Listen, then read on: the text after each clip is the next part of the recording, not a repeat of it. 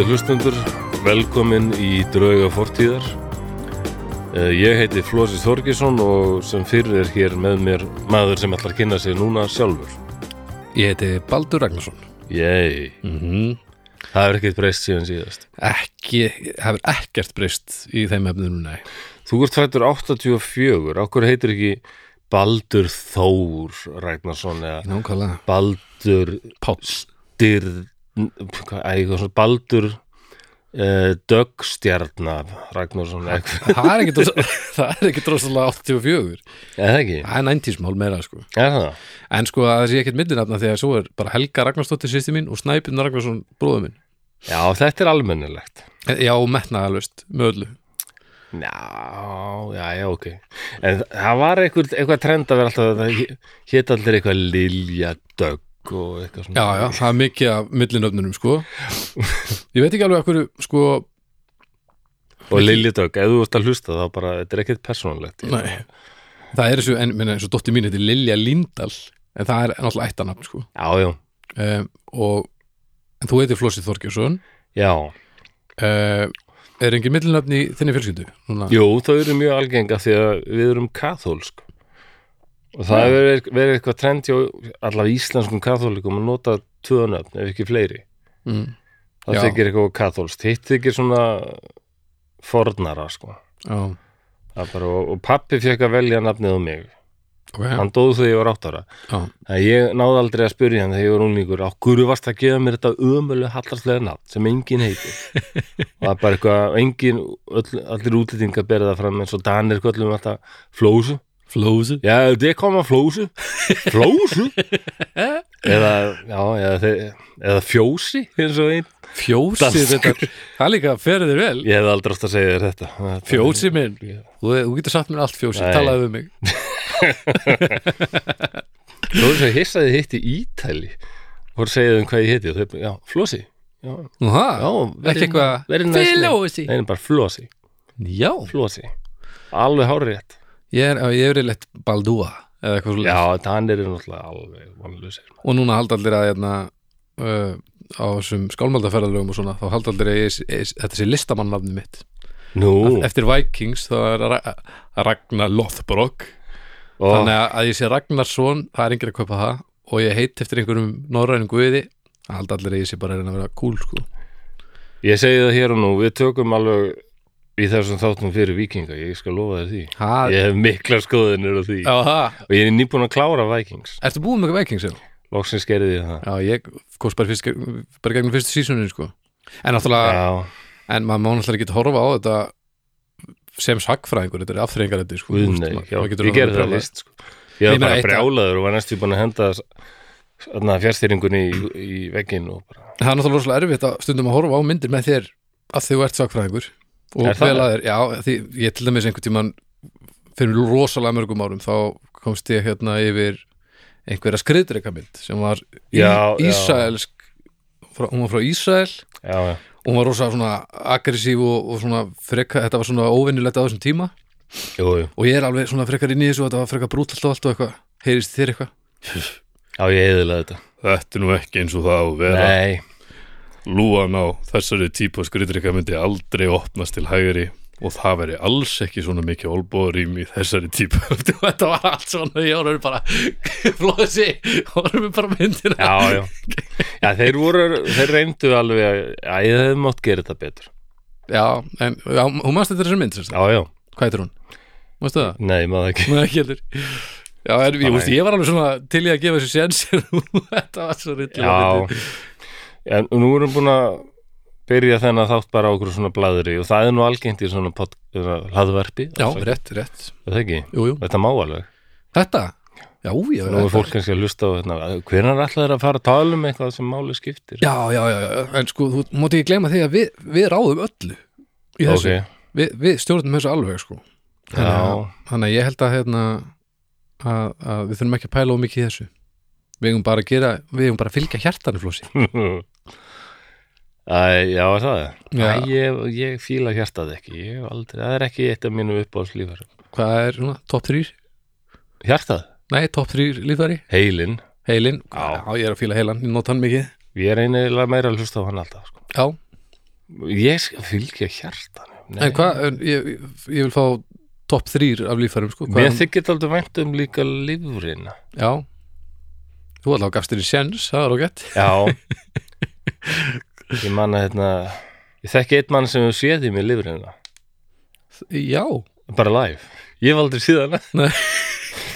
Það er læknir, ég er búin að gleyma hvað hann heitir. Æ, mjög skemmtilegu læknir á landsvítalan Vildi myndi hvað hann heit ok.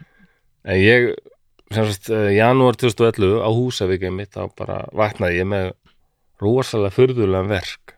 Mm.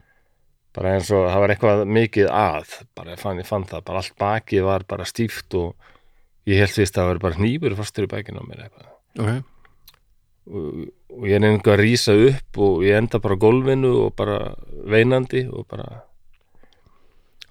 ég veist ekki hvað var að mér sko, enda með því að ég já, húsavík að ég bara lapp upp á sjúkrós mm og vanlega tekur þetta tíu myndur ég hefur verið klukkutíma veginn. Já, ok. Í snjókomu bara og þá var þetta gallsteinakast Ó, Þurftu að pissa þeim?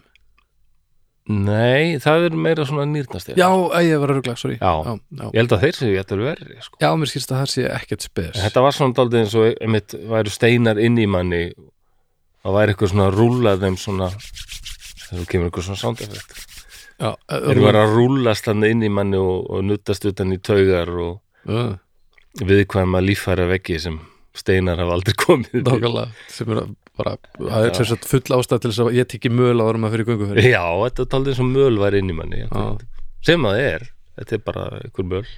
Og og ég bara fór til læknis og var myndaður. Hann sagði bara, já, þú ert með gallstein, en við þurfum að ka- taka úr, úr þér gallblöðrun og ég bara taka úr mér líffæri? Já, já, tökum það. En ég fættist með þetta líffæri menn þar ég á ekki á því að halda. Nei, bara alls ekki samt. En það, þetta meika bara ekki sens þú fæðist með líffæri, það lítur að eiga vera þarna. Nei, sjálfur. Það er ekki þannig sagðan. þú mátt ekki gleyma því að við erum bara eins og öll önnur dýr, við erum að þróast sko. já, og fyrir 200 árum þá þurftum við á þessu líffæri að halda. Já, það voru náttúrulega að borða kjöt sem meir og minna var bara ekkert um að fita. Það var Já, búið að lítið já, kjöt á þessu kjöti sem fólk var að borða saman, sko. já, og en núna er bara okkar hérna hvernig sem að segjum að diet á íslensku. Mataræði? Já, takaði fyrir. Nú er okkar hérna mæet nei, mæja oh my hjálp okkar mataræði. Mataræði er nú skárið en hundaæði. Já, minni frúa ég með æði fyrir mat, ég með mataræði. Wow. en já, þannig að við þurfum bara ekkert á þess að halda bara, bara ég, ég bara sker, þetta er ekkert mál sker bara nokkrar hólur engar stundar þakkað út, mjög einfalt. Okay. það var bara gert. Og hann tekkaði á löfrinni í leðinni já, svo sem síndi mér hvernig myndir sko, og þarna sá ég þetta líffæri sem stór þó ég bara, veitu, hvaða líffæri er þetta? þetta er lífurinn og ég spurði, sástu lífurinn í mér? já, já. Svo bætti hann við, flott lífur flott lífur næs, Þú ert þurrlega einu maður sem ég hitt sem séð í mig lifrina. Já, ég séð nokkrar. Já, hvað maður verið eitthvað berskjaldaður gagvart fólki sem hefur síðan manni löfrina já, skrítið læknar eru skrítnir. Vinna við þetta. Er. Þetta lítur að vera svona eins og geimfæranir þegar þú ferð út í geim og serði jörðina frá geimnum þá tapaðir yfir þetta allir trú á, á einhverjum æðri máttavöldum og eitthvað og komið tilbaka og ég var rosalega erfitt með að fitta inn þegar þú ert búin að sjá allt dæmið sem þú getur bara svona falið baka puttana þér Sem finnst skulu segja þetta, ég er bara að lesa um þetta í gær. Þetta er svolítið svipað held ég með, með þegar maður er búin að sjá líffæri í ógislega mörgum vinnur í, þú veist vinnur uh, líkdeildinni eða eitthvað, þá held ég að maður fái svona svolítið annað perspektíf og, og maður glati svolítið romantíkinni og fantasíunni sem að allir er að reyna að ríkhaldi í sko Ég vil lesa um, um mynd sem hún tekin held ég á jó aðfangadag 1968, fyrstu jólin mín. Já Geimfærið nafni Andersson sem held ég tók að þá mynd. Ok, hvaða, Hún heitir Earthrise. hvaða ferð er það? Já, þegar hann er að koma upp fyrir Já, tunglið já, Já, fræga fræga myndin já, og sést Já. bara svona helmingurinn í já, jörðinni. já, já, já, og hann Það sagði er- bara þessi mynd hún, hún tók burtu trúna sko. Já. bara hugsa sér að eitthvað páfi með eitthvað skrítin hatt þarna, þarna niður á þessum já, stað sem er eitthvað að segja fólki hvernig hluti þetta séu það er bara æmitt, nei, ok. Bíddu, Hvaða ferði það? Er þetta þá ég man það ekki, það var eitthvað Apollo-ferð Já, er, er, ég veit ekki hvort þetta er tunglferðin nei, þetta er, nei, hún er 69 Hún er 69 er það ekki, oh, Þetta, þetta, er, annar, annar, þetta er annar þáttur. Rugglast alltaf útstokk á tunglferðinni sko. Já, já, hvort er 69 og 68 en það er þetta hérna, við Hefur heyrt viðtalið við eina geimfaran í heiminum sem að hérna fór ekki út í geima að hann var sem bann niður á jörðin og horfði upp til heimins og, og hérna og ætlaði, hann var í þessari ferð með þessu, held ég. Er, Mhm. er þetta er ferðin sem að, þetta er ekki tunglendingin heldur þetta er ferðalagi fyrir, þetta er sérst fyrsta skipti sem er farið fyrir tunglið? Já, held það, allavega, sá ná ekki hann hafði engan áhuga að fara út í geim. Hann var ekki svona niður á jörðin og horfið uppi og ég verið að skoða heiminn og eitthvað. Hann var bara hermaður, misti rétt mist af stríðinu sko. Vietnam, nei, það setni heimstrúk ja, sérst, og vildi vildi sérst ná að vinna rússa í einhverju og þarna var tækifærið, það var að fara til tunglsins og undan, sérst að, að vinna stuðla því að, að veri komist á tunglið fyrir nú, og við talið við hann, hann sérst fer í vinnuna hann fer út í game honum, eins og hann segir frá þessu honum basically bara hundleitist það var bara hermaður, hann var bara í vinnunni. Já. Flýgur fyrir tungli, hann sagði eina skipti sem þetta hefði verið svona, hann hefði fengið eitthvað svona pínu vá það var þegar að jörðin byrtist svona þegar hann byrtist svona bak við tunglið og, og þetta moment basically sem við vorum búin að lýsa. Já, svo mætti hann aftur til jarðar og fór heim og byrjaði að vaska upp og þau töluðu aldrei um þetta á heimilinu já, hérna hann er aldrei talað um sem sagt verðina við fjölskyldunum sína eða neitt af því að hann fór bara í vinnuna, var í nokkra dag og kom bara tilbaka. Nei, og, þetta, var svo, þetta er svo stuðrull að viðtala því að, að engin romantík, ekki neitt hann var bara hermaður að reyna að vinna rússa í einhverju.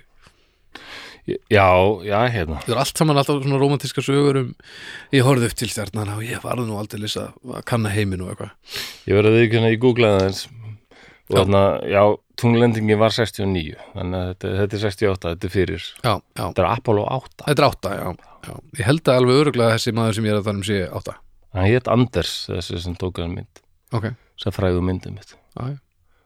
En við erum nú ekki að fara út í game, nei, snúum okkur að uh, máli málana er það ekki?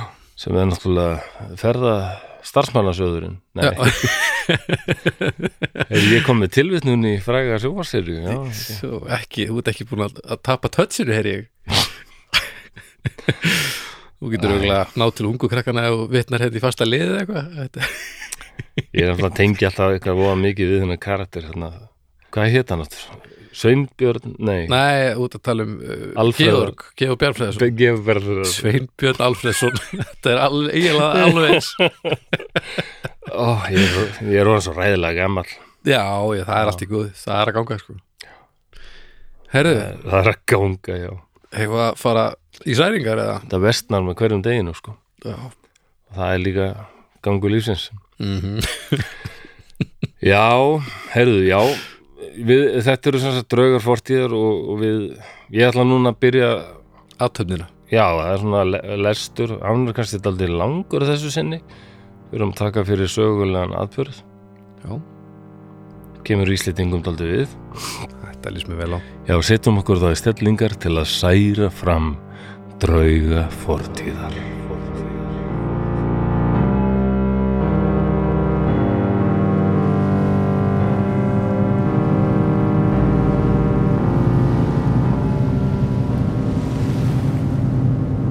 Við erum úti á sjó.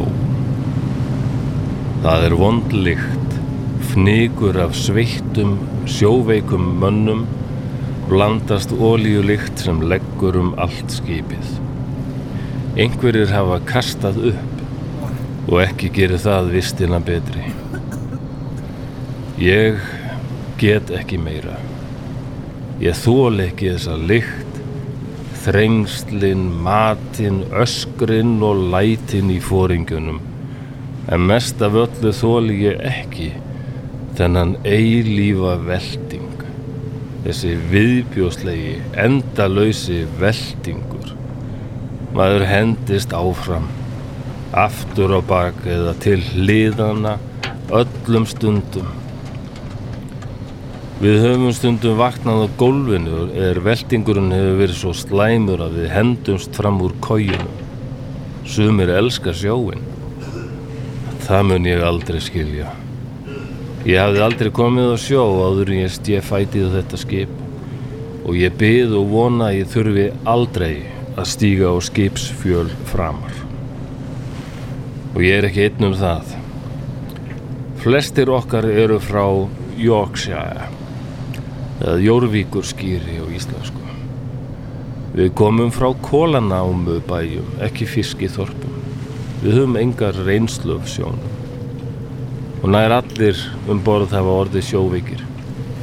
Er við létum úr höfn, þá spurði ég einn úr áhöfninni hvort það væri mikil hætta á að rekast á þýrst herskip eða kafbáta.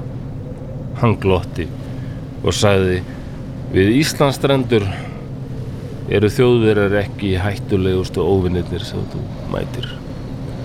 Ég skil núna hvað hann á við. Veðrið er hræðilegt. Það er ískaldur vindur og háar öldur sem lemja þetta stóra stálskip. Það virtist svo stórt og ókveikjandi í höfninni en nú er það bara eins og lítil kortappi í þessu ferlega ölduróti. Þetta gerðist svo fljótt. Já, þetta varla fengið riffilinn í hendurnar þegar okkur var smalað um borð. Mér fannst spennandi að fá flottan enginnesbúning en þetta eru gamlar drustlur. Annarkvort alltaf stórar eða litlar á okkur. Svo þurfum við öllum stundum að vera með þennan bjánalega þunga stálhjálm á höstum. En sem betur fyrir erum við nú alveg að verða komnir. Tundurspillirinn er að leggjast að bryggju í Reykjavík. Við erum að hernema hlutlaust land og þótt Ísland hafi engan her, er ekki víst að okkur verði tekið vel. Því eigum við að vera með riflana hlaðana og til tags.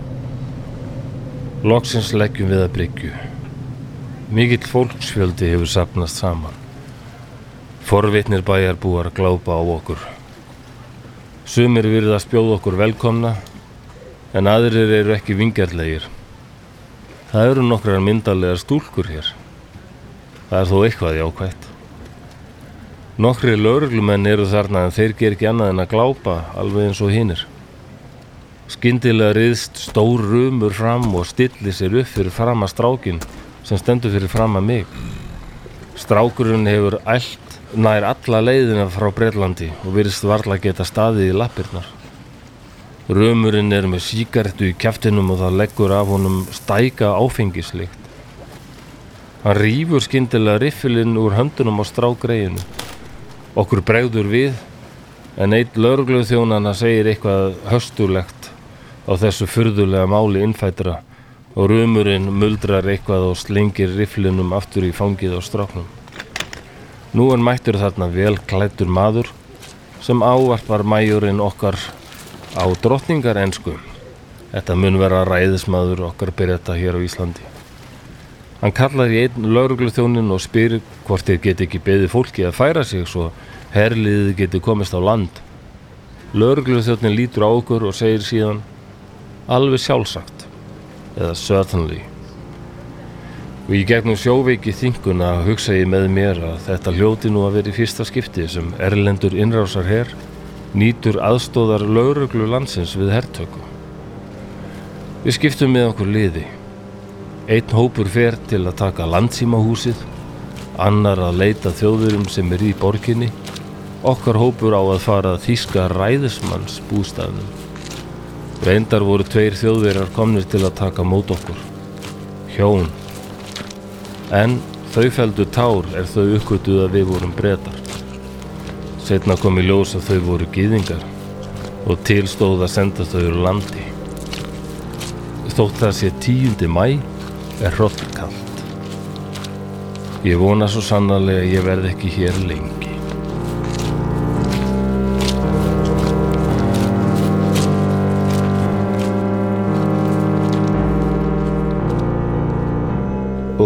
Nú skulum við opna augun leng lengri verður þessi lestur ekki. Hérna settum við okkur inn í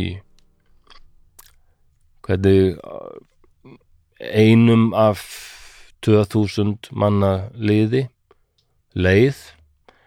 Ég held að allir viti nú hvað ég er að tala um hér -hmm. eða ekki, meiri segja þú sem hérna, sem mann viti tjókir í leiðilegur meiri segja þú. Ég verð 2000? róka fytri og umulegri með aldrin það er allt í lagi Hvað sér, 2000 manns?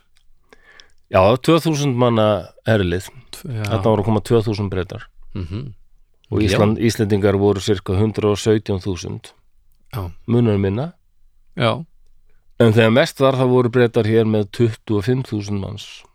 Ég fann ekki, ég var að leita bara núna í nótt. Ég er ekkert búin að sofa ég, ég, leita nú nótt hvað, hvað bandarækjumenn voru með mikið herli. Ég held að þeir hafi verið með jættul meira heldur um 25.000 og einhver tíman þegar ég var í sakfræðinni, gamle dag. Nei, er gemla ekkert gaman þá hérna það var ég að segja þetta með þessum?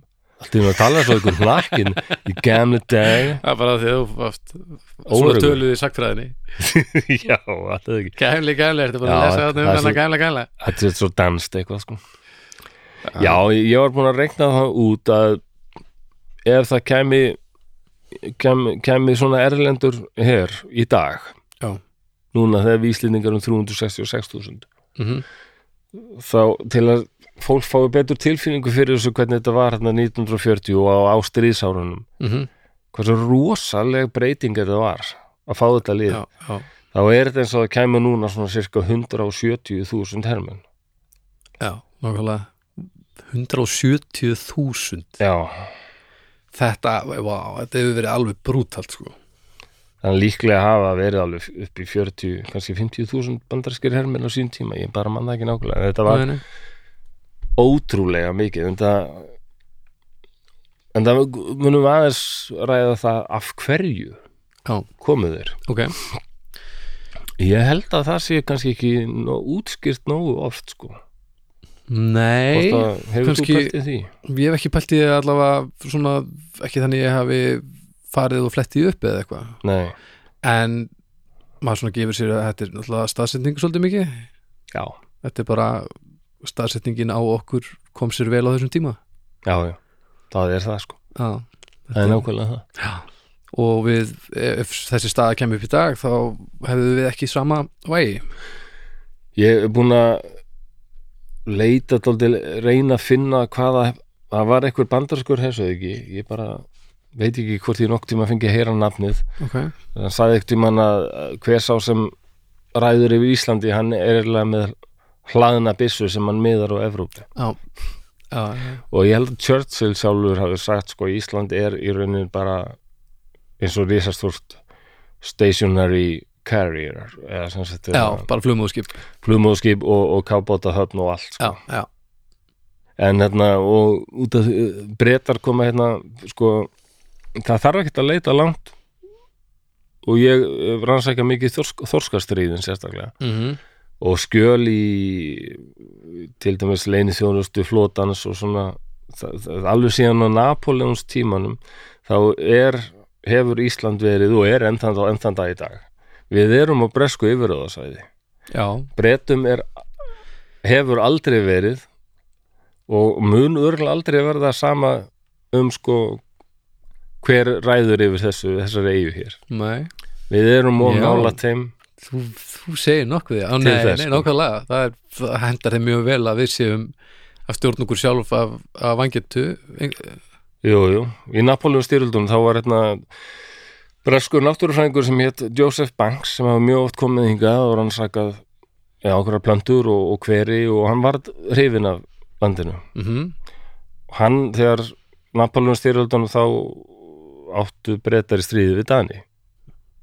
Þannig að sem áttu þá Ísland. Já, og hann, var, hann laði það til sko að, að breytar myndu bara hernama Ísland bara taka það. Mm og hann fekk eiginlega þessu ör að við þurfum bara ekki að gera það. Nei, þetta er fínt.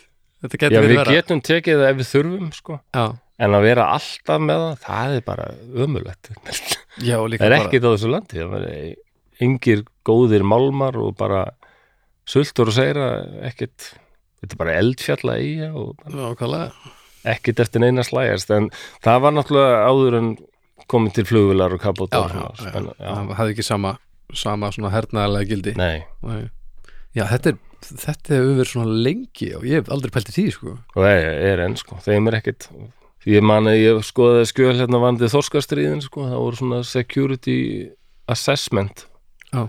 bara sko skýsla um öryggi á Íslandi. Mm og, og þá var, hún kom inn á sko pólitíkina sko að kommunistar væru hættulegir hérna, þeir væru mjög hliðillir Sovjetríkjunum já, og það var alltaf hæ- hætta á að þær kemust í þjórn og það hefði reynda gerst. Já. og það þyrfti að fylgjast vel með því. Og svo var bara feitretlað feitletrað. En hvað sem gerist þá er Ísland land sem má aldrei vera aðgengilegt Sovjetríkjunum og einn eða annan, Nei. bara feitletrað. Bara þannig ef, ef Ísland hefði sagt ef það hefði gerst á sín tíma Ísland hefði bara Ísland og NATO herin burt, Ísland hefði farið úr NATO Já, herin sendur burt. Já.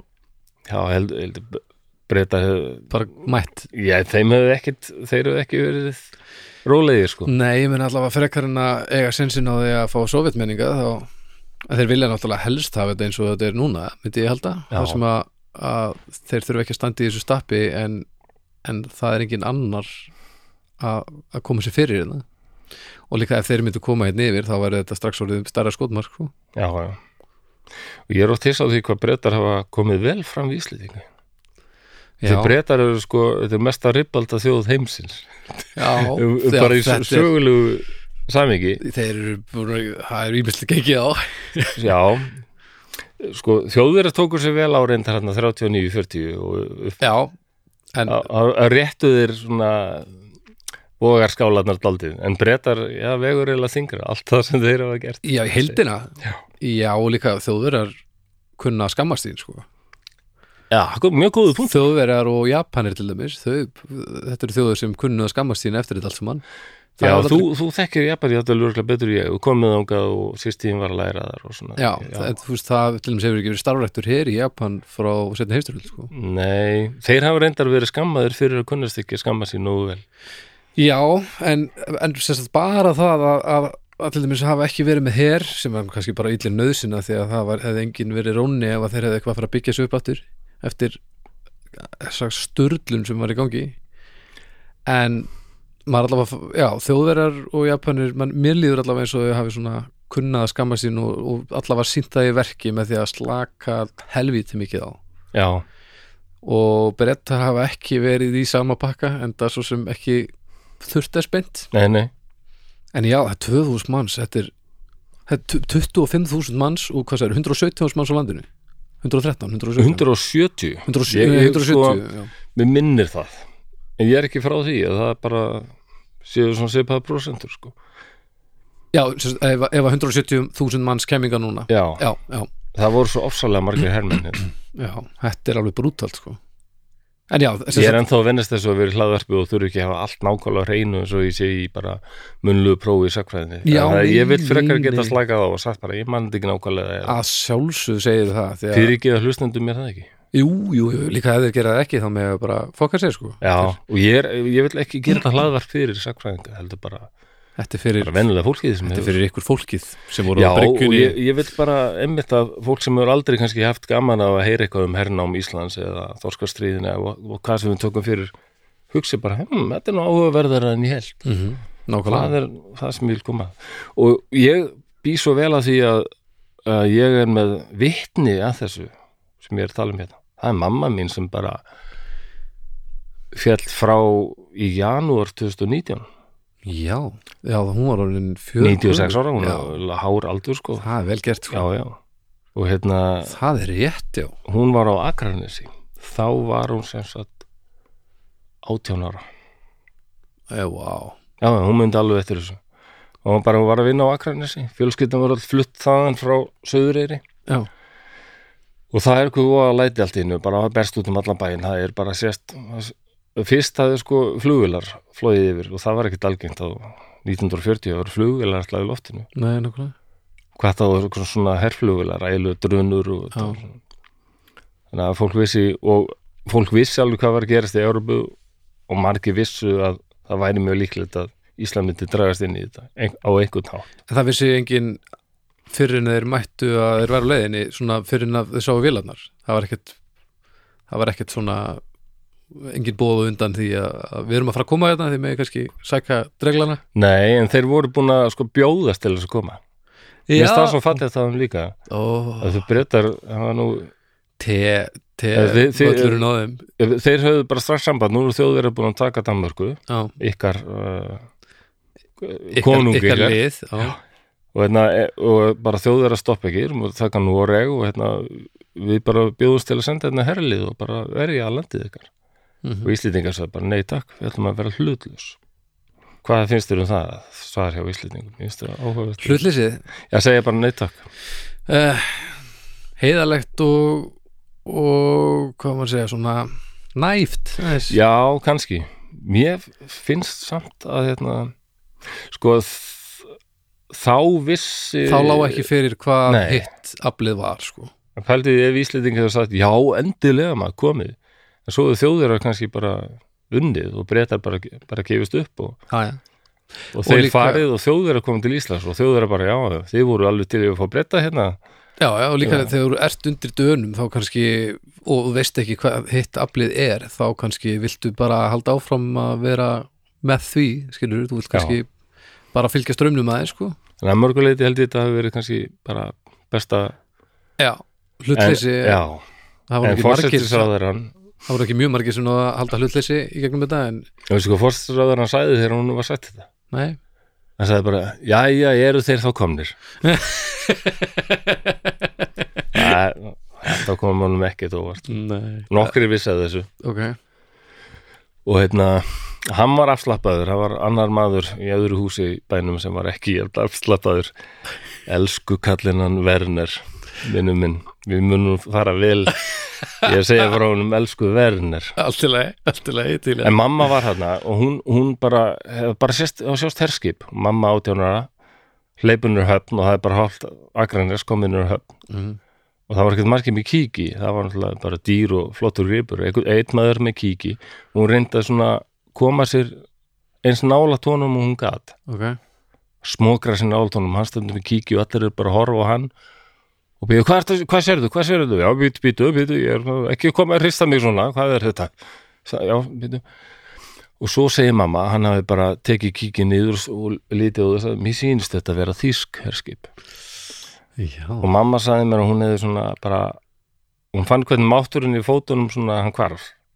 Wow. hún, henni fannst bara eins og að væri að líða yfir hann. Hún var svo hrætt hún var alveg ógeðslega hrætt ég mann þegar hún var að segja mér frá þessu hún var ekki að ljúga því sko. Hún, bara, og ég, var svo óbúðslega hrætt hún var svo hrættið þjóðveri og það voru það allir saman þeir eru búin að að því að þessi ribbaldáttur sko ráðast í Póland, ráðast Já. hingu og þanga þessi öskrandi kallana og þetta var alltaf eitthvað svo ógeðslegt sko. þetta nasista dæmi já, það, hún vildi meina það. Og já, löngu á, og þá leikur þetta ekki fyrir. Og þekktið þú okkur nasista og svona voru okkur þínum aldrei sem var alveg bara tjóður nei, ekki, ekki fannst henni það Nei. henni fannst flestir vera bara að, að ráðast á Dani og Norðmenn sko, það Já. fannst þeim bara, nei, ok, þetta er ekki sniðið sko. Nei, nákvæmlega þannig að þarna var hún já en Vá. svo, svo svo þegar hann sko, skoðar betur nei, nei, nei, fyrirgefið ég sé það núna, þetta er breski fánin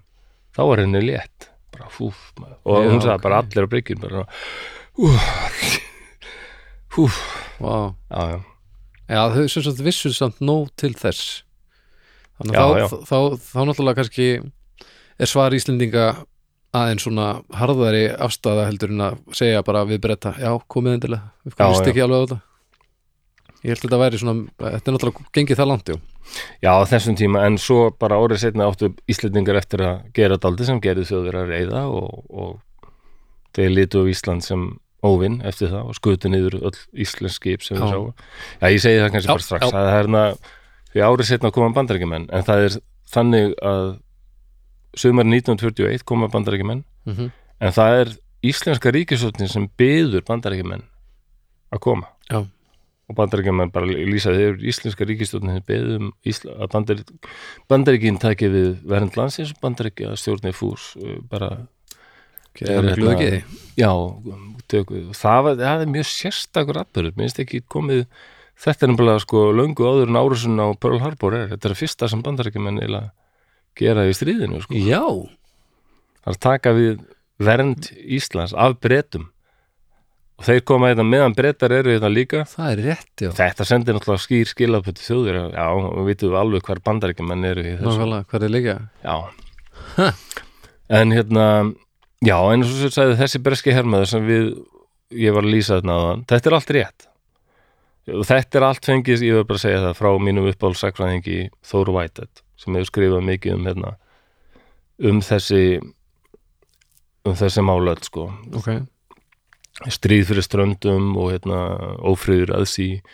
Og bretarnir koma sem er alveg æðislega bók og er vel, hann, hann, sko, hann er einmitt svona sakfræðingur sem ég elska, hann skrifa svo læsilega, svona leiftarandi líbran texta. Já, og hann er svona hann er mentorinn að skuðna TH og guðni TH og svona mentorinn minn sko. já, við þessir sem viljum bara skrifa skýran skemmtilegan textar sem fólk hefur gaman á að lesa og á þetta gerðist og já. ekki eitthvað þurrt og fræðilegt og Ekki, ekki skrásetning. Nei, og einhver svona greiningar og setja þetta inn í einhverjar kennisetningar Æ, þetta er, það er, þetta er ja, mikið, mikið verið tekist á um þetta innan sakfræði heimsins Já, ég get vel, já, já. þegar að sakfræði böllin fari í gang þá, þá var ekki róuldur En þetta er alltaf raunsarnar lýsingar, Já. það þessi strákar, þeim leiða alveg hræðilega sko. þeir voru, sko þetta sama dag, 10. mæði 1940 þá ráðast þjóðverjar á frakka þannig að allt helsta Já. allir, allir, allir góðu bresku Já. þeir eru annar stað þetta er Já. bara einhver unglingar sem bara þetta er algjörst varalið og hérna sumir vilja meira þess að gengið svo langt fram og, og fært fyrir því ágætt rauk eða Ís- Íslendingar hefðu ákveðið að verjast þessu það hefðu það mögulega bara tekist Já. Já, þeir voru svo 2000, uppburða litlir já. þessi strákar, það var engulegi líkt og hún, ég vann með indislegri konu, ég var dropout úr mentaskóla Mhm. og alveg bara rosa þunglindur, misti ég alltaf að segja þetta þunglindur, Já, já ég er bara þunglindur ég stór- sé er stór þunglindur, ég greindur með hérna óindi Óindi já, þetta er ræðislegt orð. Ég sagði gælatni minn sko, hvernig, það er til alls konar þunglindi hvernig er ég með, já ég held að þú sést með svona distumíu dist diskotumi diskotumi Diskotumi Nei, dysthymia, dysthymia. Það er hérna, já, með kallast oft óindi á íslensku, óindi Og, og, og hvernig er það öðruvísi heldur en það er bara, mann líður bara alltaf illa en ekkert rosalega samt.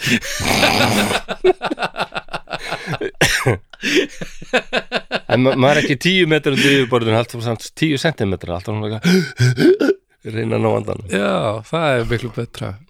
Nei, já, þetta er svona næs, næs melankóli já, ég þetta, er veit meira að svona, ég get ekki hugsað mér að vera án þetta er meira svona leiði heldur en lömun. Já, já, þú ert klár, þetta er ágætis Já, lýsing sko. En já, ég, ég byrjaði það að vinna í bakari sem mæli nú ekkert með því að þunglindir gerir það að hætta í skóla og fara að vinna í bakari Það var ekkert svona En ég mann með en, Varst þar, það? en, en það sem að mann helst mörgum þessir störfur sem ég unni það sem ég mann helst eftir er ekki starfið sjálft heldur fólki sem ég vann með Já, já, að Sástu sjálfsögðu. ekki við þetta? Jú, jú, jú, byttu fyrir Ég held að sjá það betur og betur og þetta er það sem skiptir mestu máli í lífinu, það er fólki sem maður hittir. Já, já. Það er svo mikið skemmtilegu fólki. Alltaf þegar ég að hugsa um, já, já, nú, nú, nú kýli ég bara því, ég bara að fremja sjálfsmárð, ég nenni þess. Þá er alltaf, ég er búin að gera þessi stóru mist og eignast börn, til dæmis, æginni, þeim myndi líði illa, nei, ok, ég, Ég ég, spurði svo eins og hvernig, hérna, þætti þér eitthvað óþægilegt þegar ég myndi bara fremja sjálfsmárð, ég var ekki að pæli því. Hefði það einhver áhrif á þig? Varst ekki að lesa salin Mætti ég það ekki? Hann leit bara á mig og, og, og sagði ég held að það myndi hafa alveg hræðilega áhrifum á mig bara það sem eftir að væri lífs líf, lífs Vel svarað. Hanna og ég bara ok, ég, ok, ég sleppi því þá. Ég set, krossar það svona yfir á listanum. Já, ég ætla að hugsa sko, ég misti pappa minn sviplega í slísið ég, var bara átt ára og það, það er ekki gaman sko. Nei, ég, misti pappa þinn úr sjúkdómur sem bara átan svona hægt. Já, það var ekki, það var ekki heldur gaman. Úss, maður, Þannig að ég, sko, ég er í brjálaðir og þú myndir kálaðir Já, ég, eru byrjaðir hérna á podcasti, gengur vel og svo Já. myndir bara kálaðir. Já, ég held að margir eru það leiðir og ég vil ekki gera þeirra annað fólk leið. Nei, ég, ég, ég ætla bara að byrja um að, að láta þið líða illa hangur til þú deyrið úr elli eins og hinn Já, já, þetta er ágætt sko. En, hérna, Já, mitt En já, aftur í Hvar, Hvert var ég komin? Við vorum uh, Já, hún lauga sem ég vann við í bakarinu Já, Hún mundi líka eftir þessu og, og hún sagði sko þessi bretar maður. Við vorum svo spenntar, stelpurnar. Já, já. Að sjá það. Og það voru, voru flestir svo rosalega ljótir já, já, alveg eins og þeir eru hengdur upp til þerrisreglu á eyrunum sko. það voru bara unglingar já og svona og ljótir skögultentir eitthvað og, svona, og búningatir eins og ég lísti þarna. Mjög astnalegir annarkvort rosa stuttarbuxur eða bara allt of stórir gallar og svona Er þetta ekki bara ástæðan fyrir því að Íslendinga byggja um bandaríkjumenn bara, þetta er alltaf ljótlið já, svo þau laugu já þetta er merkir það hérna en, en svo koma bandaríkjumenn þó glampin sem kom í augun á gömlu konunni. já, ég var að færa mig bara tvö fett frá henni. Ég bara, wow hvað er þetta? Næs hún bara, ó, flósi kanarnir sko, þú trúir því ekki sko.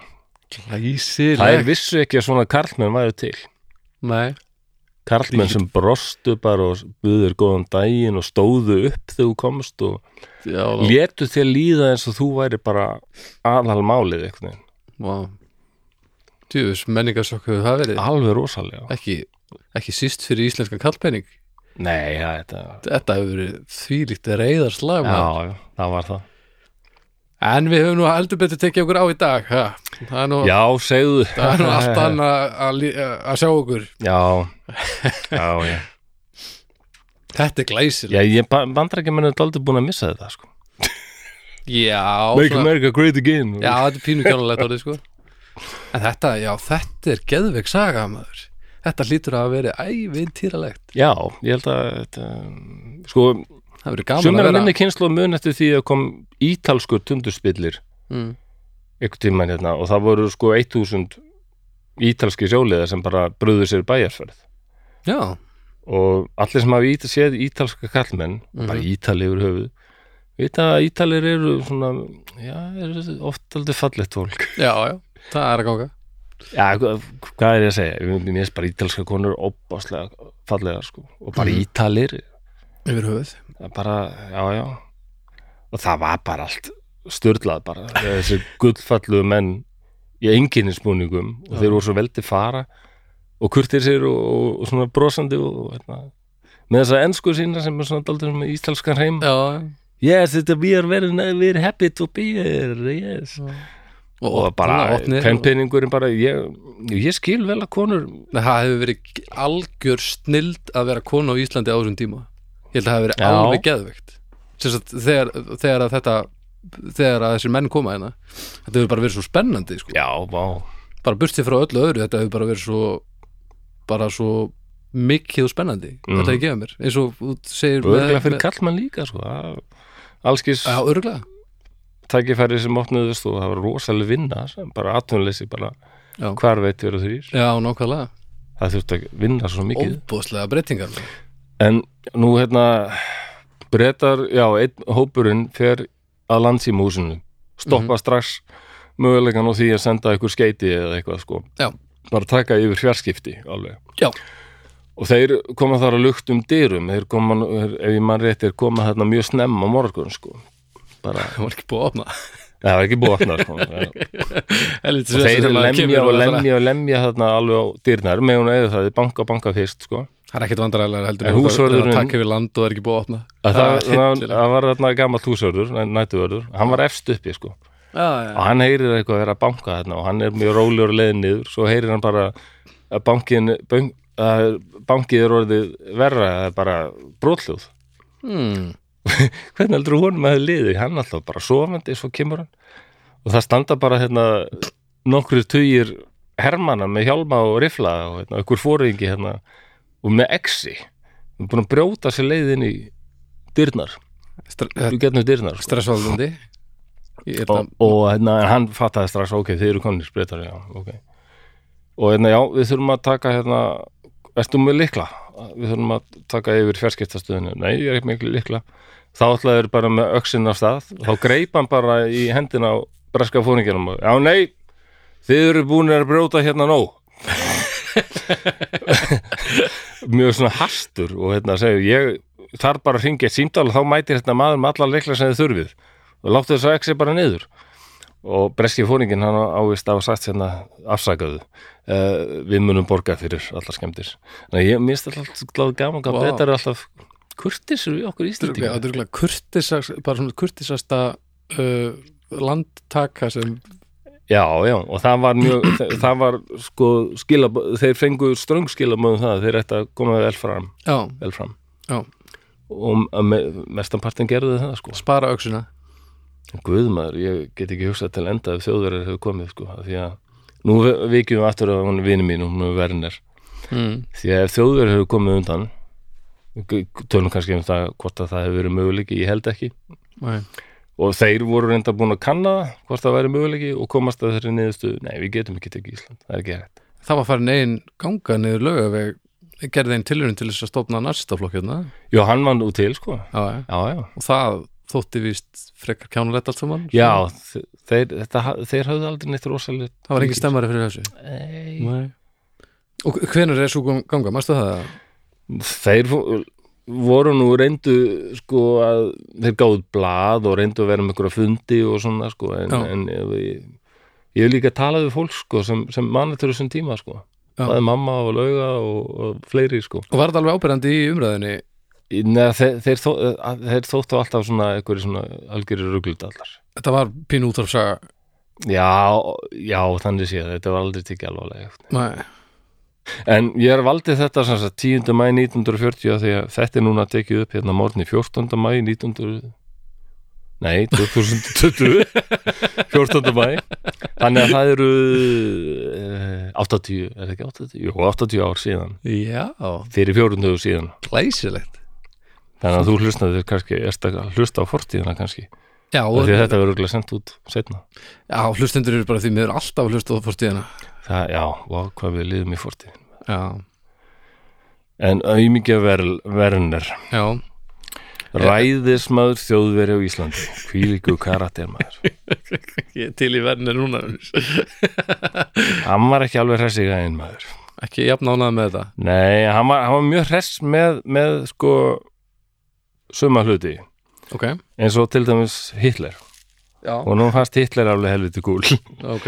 Og Himmler já, eða fannst hún Himmler bara maðurinn. Já, svo mikið að Werner sem var læknir hann var, hann var SS maður já, og hann, hefur leist mjög vel á það að gera ræðismadur þjóðveri á Íslandi sko. hann, að þjóðveri hefur sínt Íslandi mikið áhuga og hafður skrifað bækur um Ísland. Hérna væru sko henni sönnu afkomendur vikinga og hérna voru forðsögurnar skrifaðar og, já, og margir þekkja nú helli hérna sem er á Suðurlandi sem heitir Rútshellir. Mhm, að þangað kom til dæmis hérna, svona vísinda sendiferð á vegum SS já. Já, vegum deildarinnan SS sem var svona vísindadeild SS ha, sem rannsækaði með annars rútselli, mér finnst alltaf gaman þegar ég hérna, kem hann í rútselli að það er, margir hefur nú komið þar að það er svona menjar um að þar hafi fólk verið alveg já, það hefur eitthvað verið í gangi í þessum helli, sko, fólk getur búið þar og verið eldstæði og ýmislegt alveg í mörg hundru ár, kannski alveg bara frá landinhámi já, já. Að það kom hérna sendinefndel bara 36 eða eitthvað svolítið 35, 6 SS-menn og þeir fórum all landið og voru að reyna að finna eitthvað svona merkilegt sko. já, ok. Að því að, að þeir himleir og SS bara heldur að hérna væri bara sannleikurinn. Já, og verðinir held það líka. Akkurat, hann all, og hann, hann skuld ákvað skuldbynda sig. Og en og, sem, betur fer því að verðinir var mjög stressaður. Hann vissi eitthvað að var að gerast sko. hann vissi að brettar væru líklega ekkit, ekkit sérstaklega hrifnir af honum. Nei.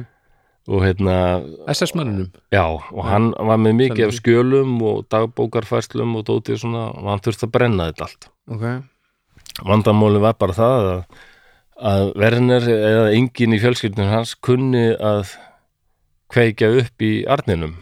Eða í miðstöðinni það var landi hans gamall náungi sem heit Moritz sem Mm. bjó annar staðar í bænum sem sáum það. Og hann var búinn að ringja í Moritz og segja þú er að koma hérna strax og kveikja upp í miðstöðinni við við þurfum að brenna svo mikið drasl. Nei, hann var búinn að senda hérna aðstofakonu sína, unga stúlku. Já, sem, sem vakti Morris og sagði bara verðin segir þú verður að koma strax. Og uh, hugsaði sko já þetta var klukkan fjögur, fimm og nótt eða eitthvað svo leis, ég mann rétt. En Morris gæti ekkert lagt á staða því hann var bakveikur. Og það þurfti að setja fyrst í ykkur svona ósalega leður treyju eða spelkur því annars gæti hann eiginlega ekkert gengið. Hann var vannur að láta nágrannar konu sína reyra þessa leður treyju á sig. En hann vildi ekki vekja hann svona snemma þannig að hann baði ungu stúlkuna hann bara fór úr hérna feitur gamall þjóðir vel hærður á bakinu víst. bara þú voru að setja þetta á mig og einmikið stelpa greið henni leist nú ekkit á þetta. Þannig að hún svona stóð sér ekki vel í þessu og Moritz kom of seint þegar hann lóksins var komin í leðurtreyjuna og náði upp á tungötu ára breytarnir komnir sko. ah, og breytarnir eins og þeir eru dásalegir, þeir bara byrja á því að ringja dýrabjöllunni sko. og hérna og, og ger, Werner gerlag hann fer sjálfur til dýra og bara já halló, já ég heiti hérna Quill Major og hérna, við erum hérna komnir til þess að hernema ræðismanns bústæðin ha, já þið getið það ekkert segir Werner gerlag og okkur getum við það ekki? segir breski majorinn já því að þetta er hlutlega stríki og þá svarar breski fóringin og svo ekta svona breskan máta. Oh you mean like Denmark já þú meinar eins og Danmörk. Já einmitt og svo bara ruttist þeir inn. Því Danmark var náttúrulega hlutlega stríki og bara og undir, undir þú sé sko. Nákvæmlega. Og hérna, en fóringin sér að gerlaka er eitthvað óa mikið með hendina hérna í, við vasan og hann verður grun, grunar eitthvað og, og grípur í hendina á honum og seilist í vasan þar er hann með, með, var hann með sko hlaðuna lúkerskambis Nei, hann var alveg tilbúin að gera eitthvað sko. Var hann með og lúkar þær fin- finna, þeir finna strax eitthvað skrýtna líkt hvað er í gangi og þeir þjóta upp upp á loft á baðherbyggi og þar eru dóttir Vernes og konunas og fullu búin að hella ykkur í óli í baðkarið og reyna að brenna ykkur skjöl í baðkarinu og það, það þær voru stoppað stöðuðar í því aðtæfi þannig að það, við fengum heilmikið af skjölum sem er kannski þessi leður spelka hans Moritz að vissu leiti breytti hérna heimsögun að Vá. vissu leiti sko. Þannig að við vitum miklu meira um þetta og Werner og hvað honum fannst um Íslendinga af því að Moritz var svona seinni í leðurstreyfuna sína. Og hvað er þessi gögn hafa þau verið gerð opinver? já, já, ég ætla, ég ætla að lesa núna hérna Flósi, langan lista. ég er svo ánað með því Flósi, kottum með ég veit ekki hvort ég ætti að byrja bara á því núna að bregða mér í gerlaka mót en sko þjóðverjar höfðu verið já, mjög spenntur fyrir Íslandi og norrænu löndunum. Já. afkomendur vikinga, reynasta fólkið svona rasin ræn mm sem sagt að reynt kyn. Já, en þeir voru orðin dálítið pyrraðir sko. Þe- af því að þeim fannst ekki Norðurlönd einhvern veginn vera aðeins með í gríninu sko, í, í, í peppinu sko. Já, já, já, fannst þau vera of svona líklega voru Amerikanar og Írlendingar búin að ná að sörga þetta líf of mikið. Já. Til þess að rússar voru þarna vinir þjóðverja þau ráðust inn í Finnland. Mm og það fer mjög illa í Norðurlandabúa.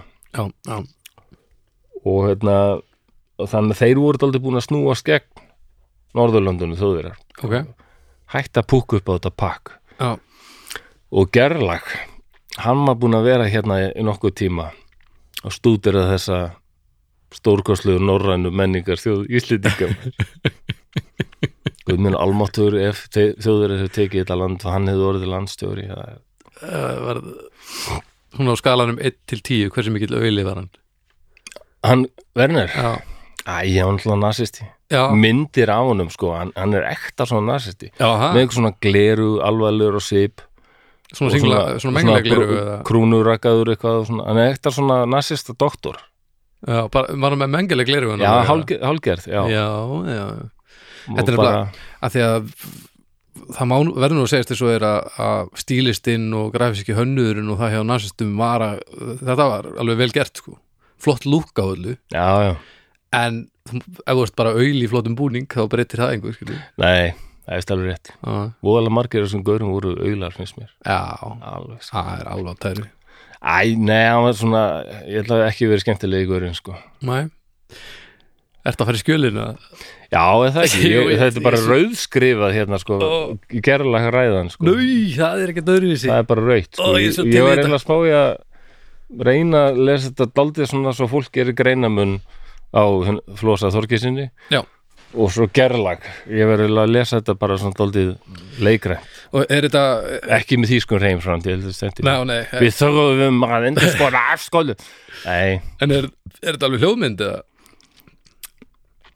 já þess vegna þú vilt. Þú, mátt, leik- þú hefur, þú ert teknistjóri Já, já, já, ég, ég sko þetta. Já, já. Já, Gerla segir sko. Við þurfum að endurskoða afstöðu okkar til Íslands. Vísindamenn okkar eiga að grafa það upp sem hér kynni enn að vera þess virða upp sér grafið. En á öðrum sviðum ættum við að hætta þessum vinnmælum sem enginn tekur hið minnsta undir. Íslendingar okkar dögum eiga þau ekki skilið. Hvorki sögum skapgerðar sinnar eða mikilvægis þjóðarinnar, kannski að fáum einstaklingum undanskildum. Það er naumast að rembingurinn í þessum 177.000 manns ætla að stopna sjálfstætt ríki. Ha! Þriðjungur þeirra er úrkynjaður og líkamlegir aumingjar. Svo er menningin ekki á háu stígi, andstætt því sem hefur verið haldið fram. Leikfélagið, það sýnir gamanleik sem það kallar innan gæsalappa Þýskan, en er eftir þá Arnold og Bach, en þeir eru júðskir sorp höfundar.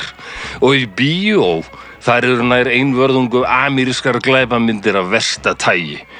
Annað leikfélag sýnir Sherlock Holmes. Þó er nægur efni viður hér í fortsögunum en enginn virðist hafa áhuga þeim og jólum tók ég eftir því ekkit var minnst á hinnar fornu vetra sólstöður. Það eru engar erðavenjur, engin forn eða fögur húsgögn, ekkert nema lélegt drastl. List á Íslandi, já, það er einhver ljóðagerð en flest er það algjör leirburður. Tónlistalífið er ömurlegt. Í raun eða fyrir neðan allar hellur. Það er einn eða tveir ágætir málarar, annars eru þetta innantóm stílbriði eða hreinræktað rusl. Einar Jónsson högmyndalistamaður, hann er sannur íslendingur en rugglaður í kollinum. Allir mæra hér einhvern ásmund Svinsson en það er ekkert nema úrkynjuð gýðingalist. Og öll list hér á Íslandi er þannig, meir og minna, úrkynjuð, rétt eins og þjóðin sjálf. Bækur. Já, nóg er um enska og ameríska reyfara og álíka rusl. Júðin Stefan Zweig er velmetinn hér. Hér er engin hetju andi og eini vikingablóðdrópin sem hér hefur einhver tíma verið til er löngu gufaður upp. Hér er ekkert nema almenn veiklun og skortur á siðgæði. Lögreglan er allt of stimamjúk. Ensk og amerísk áhrif eru allsráðandi og glæpasamtök eins og frímúrarar ráða miklu. Ég er sífelt ónáðaður að nóttu sem degi af dauðadruknu fólki, hálfitum eða hvoru tveggja. Síminn gellur jafnvel langt fram á nótt og slefandi vannvitar þykjast ætla að halda upp í einhverjum viðræðum. Lifnaðarhættir hér eru afar frumstæðir. Maturinn er vondur, kaldur, fiskur, kaldar, kartöflur. Það er engir ávestir í búðunum. Það er herfilega léleg yðnaðarkunnóta. Engin sérhæfir sér í miðstöðvar hitun. Ekki fæst neitt kæliskápur. Í einni verslun fundust aðeins tveir dömukjólar. Viðskipti byggjast öll á fjölskyldu tengslum og sífelt er okrað og að á manni. Og nú talar Flósi, hérna kemur setning sem ég bara varð að skrifa með feitu letri af því að minnst hún svo merkilegt. Júðar gætu aldrei náð fótfestu hér. Íslendingar eru miklu harðari en þeir. Þarna er SS-fóringin sem sagt að segja Íslendingar eru ósvítmari og grimmari í viðskiptum heldur en gýðingar. Þú sekkur ekki lengra, dýbra, Wow í mannlegri nýðulægingu heldur en að vera verið en gýðingar. Nasisti að segja að sem verður en gýðingar þegar allt er í gangi Og það er aðeins eitt sem hann var mjög hrifin með í Reykjavík, sem hún fannst alveg bara í heimsklassa, en, sjá, en, en auðvitað þá kunnu Íslendingar ekki með það og sóttu það alveg skammarlega lítið sem hann samt naut. Og sundhöllin í Reykjavík hún var frábær. Allt hann aðeins drast. Það er bara, Sýtturinn það er bara allt hún varst allt ömulegt Djúvitur í gladur að leðurgalinn hann hataði þess að þjóð. Oh, hann fyrir leit þetta þetta var allt. Vá maður. Sörgað og hann held hann myndi finna að stolta vikingafjóð og þetta var svo úrkynnið og úkjæslegt Djöfull hefur hann orðið hissaður Já, hann var ekki, hann var ekki ánaður kalkveið Elsku Werner. Vá Þetta er ótrúlegt. Já, og svo lýsir Þór vætið því að sko, lög, íslenska löggan hafði náttúrulega aðstóða þarna breyta við að komast á land og svo eldur breytaðin upp að ræðismannabústæðnum þeir stóðu þarna fylgst með og hann kallaði þarna bara hjálp, lögreglega þetta, þetta, þetta er lögbrot, þið verið aðstóða þá sneruðu þeir sér bara allir við voru þrýr, fjóri lögreglumenn Mhm. sneru sér allir bara við og fóru svona að horfa á katholsku kirkjuna eins og þeir bara sjá hann í fyrsta skipti. Já, Já. Vá Werner, hef, hann var alls ekki að lesa salin nei hann var ekki alveg því, eins og margir næsist kannski. Og hvað var hann, já eins og, eins og helviti margir næstar En hvað hvað gerist á í kjölfarið? Hann er, Já, hann er bara handtekinn eins og langflesti þjóðverjar. Já, með fjölskyldu sinni þá? Já, já. Og hvað eru margir handteknir hérna á landinu? Svona, Það voru þokkalega margir þjóðverjar hérna, sumir sem hefðu það var eitt kafbósmaður sem hafði verið settur í land hérna því hann varð veikur eða slasaðist. Mm sem ságaur varð brjálaðislega vinsal hjá kvennþjóðinni ok, og hérna, já, já, það er bara eitthvað tekið fram. Ok. Og, að því engi skildi það því hann var ófríður og lítill og lútur. Nú, já, já, já. Hann hefði eitthvað sjarma Ok. En svona eins og þjóðverðar það hefur eitthvað að þjóðverðum búið þarna, Já, já, Og breyttum bara. Jú, það var oft verið talað um að breytar tóku enga sjensa sko og bara, já, já, það voru flestir sendir til Breitlands og voru þeir í fangabúðum og já, það hefði ekkit svona, ekkit endilega sérstaklega góða reynslu sko. Já, Nei, nei, þetta var ekki og í bíómyndunum ég meina, og breytar bara en svo segi ég sko, ég meina breytar tjóðsir rippaldar. Það voru svakalegir sko. Hafa, allir Evrópubúar og sérstaklega ekkert maður sá í svona grínmynd sko sem var hvern, eins, og, eins og Amerikanar sjá fyrir sér breyta mm þá var það, það voru allir svona eins og Colin Firth, leikari. Já, tala svona, svona kurteisir og svona oh, pat on me yeah, þ- Mhm. en svo eins og Evrópubúar sjá breyta það var svona einmitt þessi krúnurökuðu Já. bumbukallar og íbísa oi, what's in them drekka lagerbjóra já, já, já, Man United oi, oi, oi, oi allir Evrópa bara oh, spánverjar sérstaklega bara nákvæmlega. Óþverra líður. Maður það eimir ennþá eftir þessi mann því ég var í Bretlandi um, með þarna listahóp að sína þar og það var ljósamaður nokkuð var franskur. Já, hann var satt sko daldið af allsýrskum ættum.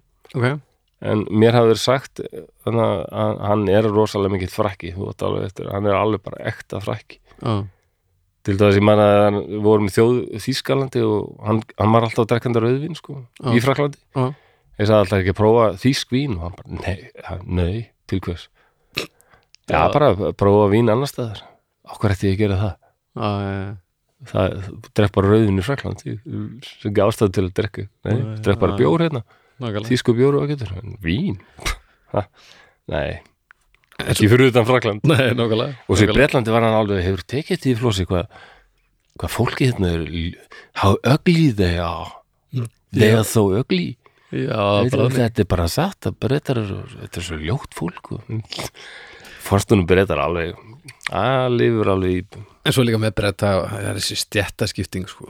Þetta er, Já, já, hún er svo brútal sko. Já, hún er úkislega Og náttúrulega bara Og fjölmiðlarnir bara, Þetta er svo lígilegt hvernig er Vafa fram og, og bara slengja öllu fram. Þetta er alveg, þetta er svo brútal allt saman. Já, og þetta er þetta er eins Evrópstöða verður en við erum það vestræn hérna til dæmis að maður tengir ekkert við þetta. Nei. Þetta er einhvern veginn Þetta er mjög er mjög spes. Þetta er, þetta er mjög undarlegt sko. En mér oft fundist að einhver sakfræðingur, kannski verið ég bara að gera þetta og helst einhverju nokkri sakfræðingar Mhm. skrifa bara Ísland og, og Bretland af því að þetta er löng saga sko. já, heldur betur og, og ekki alltaf það er ekki alltaf dinglað Nei, nei, alls ekki oft en ekki alltaf þetta er, þetta er búið Þetta er langt aftur sko, við erum komað hérna á stunda viðskipti og, og veiða og já, alveg alveg aftur á 14. 15. öld sko. já, já, já nákvæmlega Þannig, já, já, en hvernig, kominir sem sagt En þá komum við kannski að því og já, ég hef búin að minnast á hersöðingjan sem saði hver sá sem stjórnar Íslandi er eiginlega með byssu sem er mið á Evrópu. já, Svo hef ég daldið stúdirað íslenska kommunist og sósíalista mhm, ég var í kurs í áskólanum með því og hérna sko, það voru nokkur íslenski kommunistar sem hittu Lenin cirka 20 og alltaf ekki við erum byrjun þriðja áratögar ok. Segjum svona 21-22 kannski. Hann deyr held í 24 ef mann rétt. Mhm, og, og hann talaði við og hann sagði við á eða þau og konurina líka. Mhm. það er ein mögnuð kona sem heitir Dýrleif minnum hún hafi verið Jósdóttir eitt svona magnaðasti kommunistin að um öllum. Ok, hún var alltaf að senda á Halldór Kiljan Lagsnes þegar hann var svona að ég held ég nenni ekki að vera kommunisti lengur ég held ég bara ekki trúa þessu. Og bara Dýrleif, þú voru að fara að dilla þú voru að tala við Halldór. Halldór, Halldór, það er komið tími til að við förum í nafn, Halldór Lagsnes já, þá kom hún bara heimsótt og Halldór varð allt í hennu eldröður bara aftur. Já, já, og mögnuð kona. Vel gert dýrleif En já, þau, það- íslenskir kommunistar sem fóru sko til Sovjetríkjana í svona Lenin skóla að læra að vera það hljóma svo illa. Er þessi leiðileg skóli. Já, já, en hann talaði nokkra þeirra og hann á að hafa sagt þeim sko að landið ykkar á eftir að verða mjög mikilvægt hernaðarlega. Já, Þið já, munu alveg búið ykkur undir það að stórveldin munu sína ykkur mikið áhuga. Þannig að já. hann sá þetta alveg fyrir. Það er svona þegar maður lifur og hræðist í þessum heimi þá kannski fylgist maður með Já, með við vorum bara að reyna degi og þjóðverjar voru búin að reyna líka að vingast við okkur, þeir voru búin að bjóðast til að sko senda hérna verkfræðinga og kenna okkur hérna, meira hvað var það flug, þeir voru búin að bjóðast til að byggja flugvelli og Nú, nú. Já, já, og hérna, Lufthansa myndi eitthvað fara að fljúa hingað og það, þessu var alltaf neitað þessu það var ekki tekið vel í þetta. Nei. Og þessi búið veru öll þá 30 og eitthvað. Já, já, þetta er fyrir stríði sko. Já. Já, En svo Íslands stjórnvöld hafi bara Nei, ég líst ekki alveg á þetta. Við ætlum að reyna að halda út þessu Og svo ég, meina, ég held bara Ísland Þótt að við séum átt næð Þá erum við kannski ekki heimsk Nei, það er alveg rétt sko. Já, og það var hérna, kannski- íslenski stjórnmálmenn hafa alveg vitað af þessu að breytum er ekki sama sko. Já, ég veist, ég ætla líka bara ég held ég bakki aðeins með þetta sem ég var að tala um á hann af nafiðisma þegar það lágu bara meiri upplýsingar fyrir heldur en að ég kannski gera mig greið fyrir Þetta hefur líka bara verið tilraun til að, að bara vera eins lengi og mögulegt er Já. sem er bara leið sem ég væri til í að, að fara sko. Já, á meðan það er ekki ljóst hver er kólrángstæður sko. nei, nei Og með, með þess að bandarækjumenn taka hérna við líka. Og hérna, þá voru þeir náttúrulega fannir að hugsa sko, sjá fyrir sér Ísland sem þeir eru náttúrulega, ég man ekki hvernig þeir voru komnir á Grænland. Mm.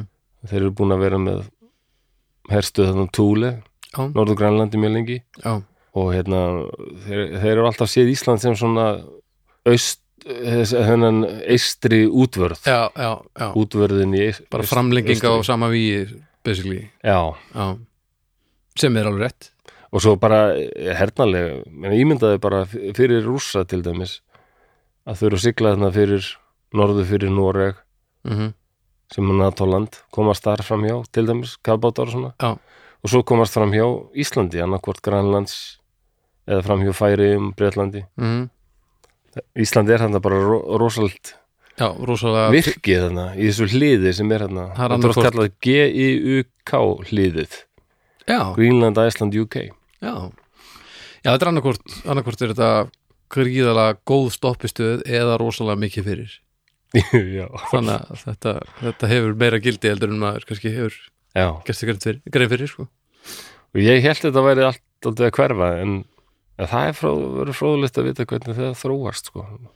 Et, en, en Donny Trump sko, sem er alltaf að tala um þetta helvitis NATO bara, við borgum alltaf mikið peningin að þjóður að borga miklu minna. Ég nenni ekki að borga svona mikið peningi. Á, já, hann samt skrifaði strax undir þegar bandaríski herin vildi eyða nokkurum miljörðum í uppbyggingu á Keflavík. Já, og Donny bara, já, eitt mál. Ísland, hann er ennþá ekki búin að tala lítið um okkur. Nei. eða segja litt um okkur, ég held að hann viti ekki að við séum til. Ég held að það sé annað og var á listanum ef listin er til. Já, þetta ekki, hann er örgulega svona kannski svo Berlusconi, mér finnst það svo ógeðslega fyndin saga. Þegar Berlusconi var svona litríkur og sagði ímislegt sem fór ítla í suma móðgæði þjóður en mikið og einhvern tímann var hann reyður út í Finna. Fast finnar verið með einhverja stæla við Ítali mm. og held einhverja langa ræðum það hvað finnar væru rosalega ómerkeli þjóð. Já. hann hefði nú eins og komið til Finnlandsmaður að þetta þóttist verið einhver menningar þjóð og við erum látið keira í einhverja 2-3 klukkutíma til að skoða einhverja rosalega merkilega kirkju. Og var þetta einhver pínu lítið timbur hjalli? Sem var svo lítill að það voru bara vallat að koma 100 mannsanninn eða vonlust wow. og þetta var eitthvað 100 ára gamalt. Þetta, þetta, þau voru að sína mér ítalan þetta sem einhver rosa menningaverðmæti það Já, er bara þessi finnar sko það á, maturinn ömbulegur og... nema hvað að- finnar eru mér hissa. Þeir, þeir he- heyrðu hérna ítalska fórstisráður að segja þetta því að það kannaðist engin með það að Berlusconi hefur verið heimsókn í Finnlandi bara í langan, langan, langan tíma.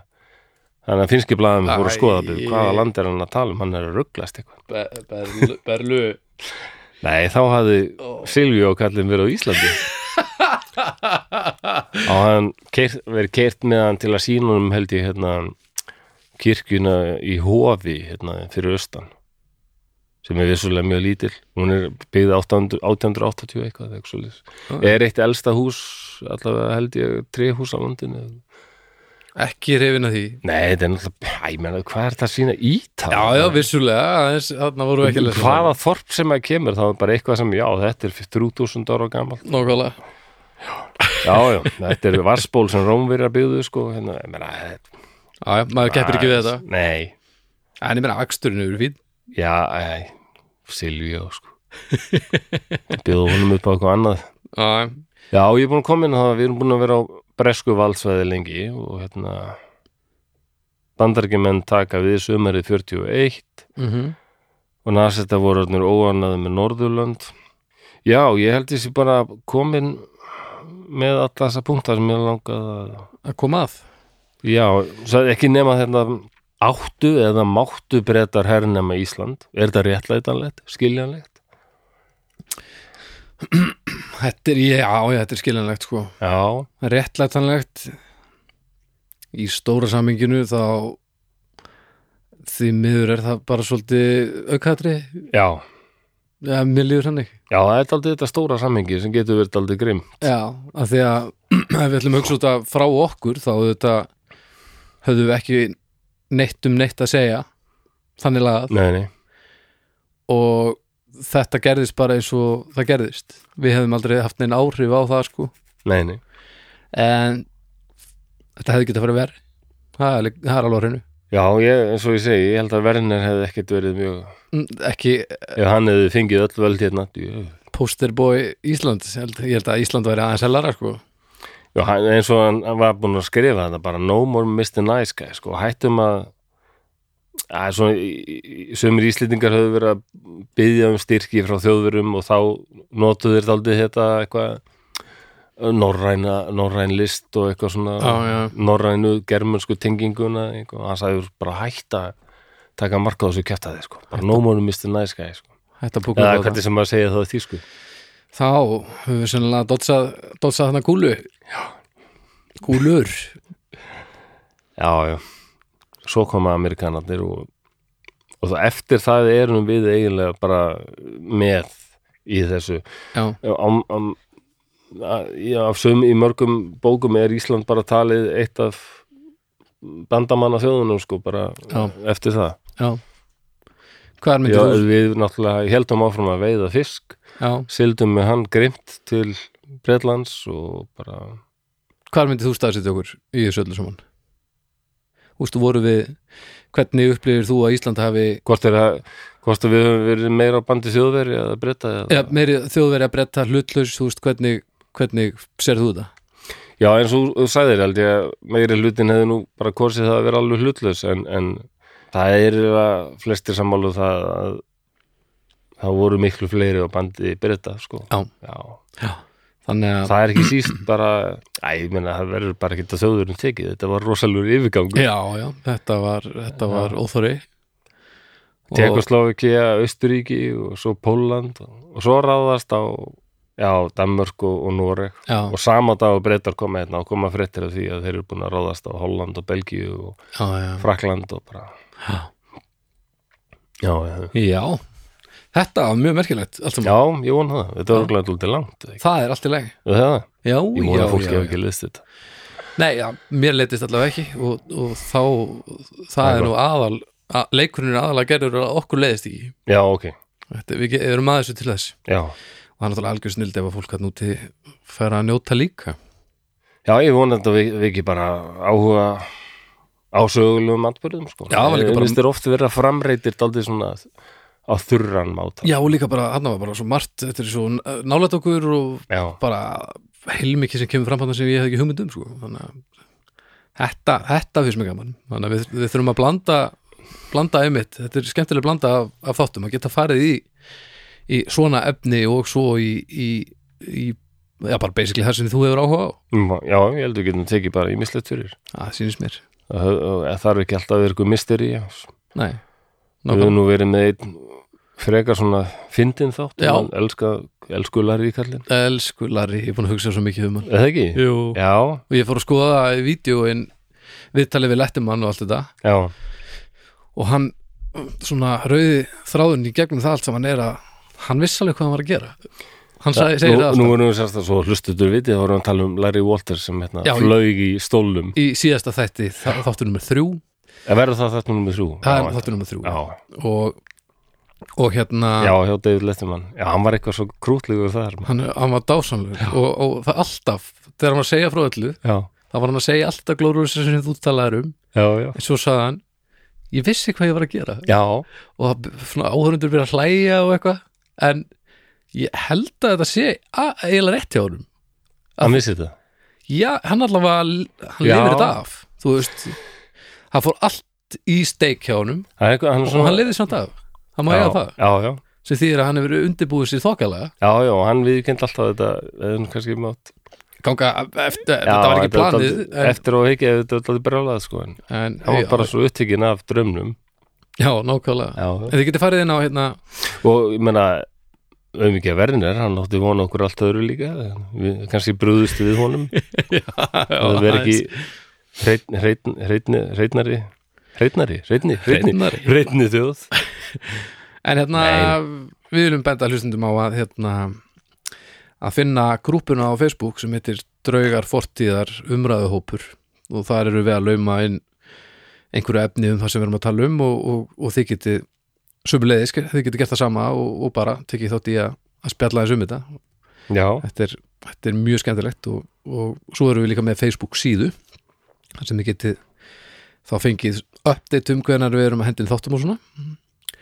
Um, má, má fólk alveg koma með hugmyndir að hérna, einhverju að taka fyrir eða Já, um að gera, ég meina það er, þú, þú náttúrulega ræður alfarið ok, hvað er fjallað um, en ef þú vilt fá hugmyndir frá hlustendum, þá er það þitt bestamál Eða ég held það bara og svona uppbyggilega gaggrinni sko. inn á uh, draugarfortjar uh, umræðuhópur, þar Já. skuliði hendin hugmyndum fyrir flosa, ef þið viljið hérna heyra okkur, eða heyra hann tala um eitthvað uh, sérstætt málumni, já, endilega eitthvað feed- feedback. Eitthvað feedback. Herðu, er til eitthvað íslenskt orðið feedback eh, tókuð þetta ekki fyrir einhvern þættum daginn, var það eitthvað annar orð sem við vorum að reyna að já, finna, er það, þið kannski gerst það í dómstegi já, eitthvað uh, læt, hringlæti. Nei, það er ekki gott. Nei, það er ekki en það lýsir reynda fyrirbærinu Já, já, já, það er eina síðan að gera. Þetta er eitthvað ljóð sem fer svona í lúpu? Já, jú, þetta er bara hringrásin sem, sem magnast upp Ég elska feedback, Við ætlum að vera með heilan þáttum feedback bara. Feedback er frábært Saga feedbacks. Já, saga feedbacksins Það er mjög merkild fyrirbrið Já, mjög Hvernig merkilegt. það hefur verið notað. Djöfull, Er það annarkvort skemmtilegur þáttur eða því. leiðilegur? Það er ekki, er ekki sens að vita að vera Það er svo mörgur rocklög það sem að kemur ykkur svona læti og svo bara stoppar allt og það er bara bí og þú veist að nú er ykkur tromma, bassi eða gítar byrja. Og Það verður brjálaður. Já, Já. Mæli sérstaklega með hérna Now I Wanna Be Your Dog með Stooges lætin í byrjun og svo kemur svona feedback sem lifir svo byrjar gítariffið og það er bara, ó, það er bara þannig er bara, veistlægi erun já, þannig er bara essensi, það er bara kjarnin í rock'n'rolli já, já, er við getum talað um eitthvað svo ég er svona eitthvað, er það ekki eitthvað músiktengt fyrir mér? Já, já, já, já, það er nefnilega, við þurfum aldrei að hætta þessu. Svo lengi sem að við viljum halda áfram þá getum Nei. við haldið áfram. Það sýnir, ég held ég sé nokkurn veginn á tæru já, all right, en ég vil segja takk fyrir í dag. Já, þetta var bara dásanlegt Takk fyrir kæru hlustundur og draugar fórtíðar. Þakka kærlega fyrir, sjáumst síðar. Farið nú varlega í þóku, ég er reyna að segja eitthvað, Já, eins og Inga Kristjáns er alltaf með eitthvað hérna, en það forðist öll lítverk. Nema þetta podcast, Já, ég elska það hjá henni. Ok, Uh, það verður einhverja kveðju línu líka. herðu þú, þú, þú hugsaður þetta og kemur með fyrir næsta þátt þú, þú pöntsar okkur út úr næsta þetta Er það ekki? Ég veit ekki, forðist alla drauga. Nema þessa hér? Nei, Nei, við getum ekki stólið þessu bara-. Ok, við, við, við pælum í þessu. Þetta er eitthvað að svona bara Þetta er eitthvað svona og, og, og heyrumst næst þegar að við særum fram drauga fórtíðar Þetta er eitthvað svona Já, já, ok. Segð eitthvað svona Takk fyrir í dag, takk fyrir að hlusta og við hittumst næst við andaglasið er við særum fram næstu drauga fortíðar. Veriði sæl.